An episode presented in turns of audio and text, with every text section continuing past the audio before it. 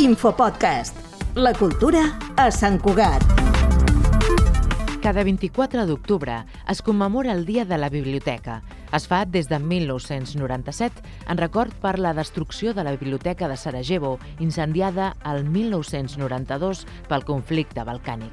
Enguany, a més, aquesta data pren més importància a Sant Cugat pel 30è aniversari de la Biblioteca Gabriel Ferreter, que, per cert... La Biblioteca Gabriel Ferreter es va inaugurar com a Biblioteca del Milenari uh -huh. en aquells anys. I quan es va eh, inaugurar Mirasol el 2011 és quan es va decidir canviar eh, els noms i posar persones vinculades amb Sant Cugat anomenar les biblioteques amb els noms de persones referents vinculades a Sant Cugat. Escoltàvem Helena Sánchez, la directora de la Biblioteca Central Gabriel Ferreter, en una entrevista al programa Connectats d'aquesta casa, on hi va anar a presentar els actes del 30è aniversari de la Biblioteca Central el passat maig. També va visitar aquesta setmana el Connectats el Sant Cugatenc Jordi Permanyer, que va treballar 49 anys a la xarxa de biblioteques municipals de Barcelona i va ser un dels responsables de la modernització de les biblioteques engegada a finals dels 80. De fet, entre 1989 i el 2015 va promoure la creació de més de 215 nous equipaments.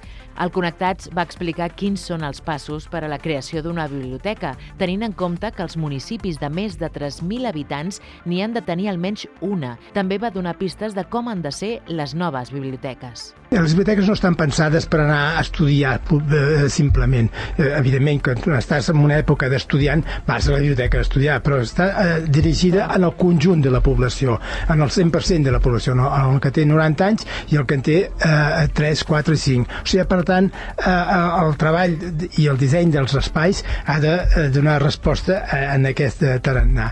I per això hi ha espais reservats en el silenci, però hi ha els altres espais que és mm, cert soroll soroll ambiental de, de, de l'ús i, i de la, la freqüència de la, de la gent. Sí, sí. I ara escoltem l'opinió de l'Helena Sánchez, directora de la Biblioteca Gabriel Ferreter. Sí que és cert que aquests, aquest nou model de biblioteca, per implantar-lo, ha de...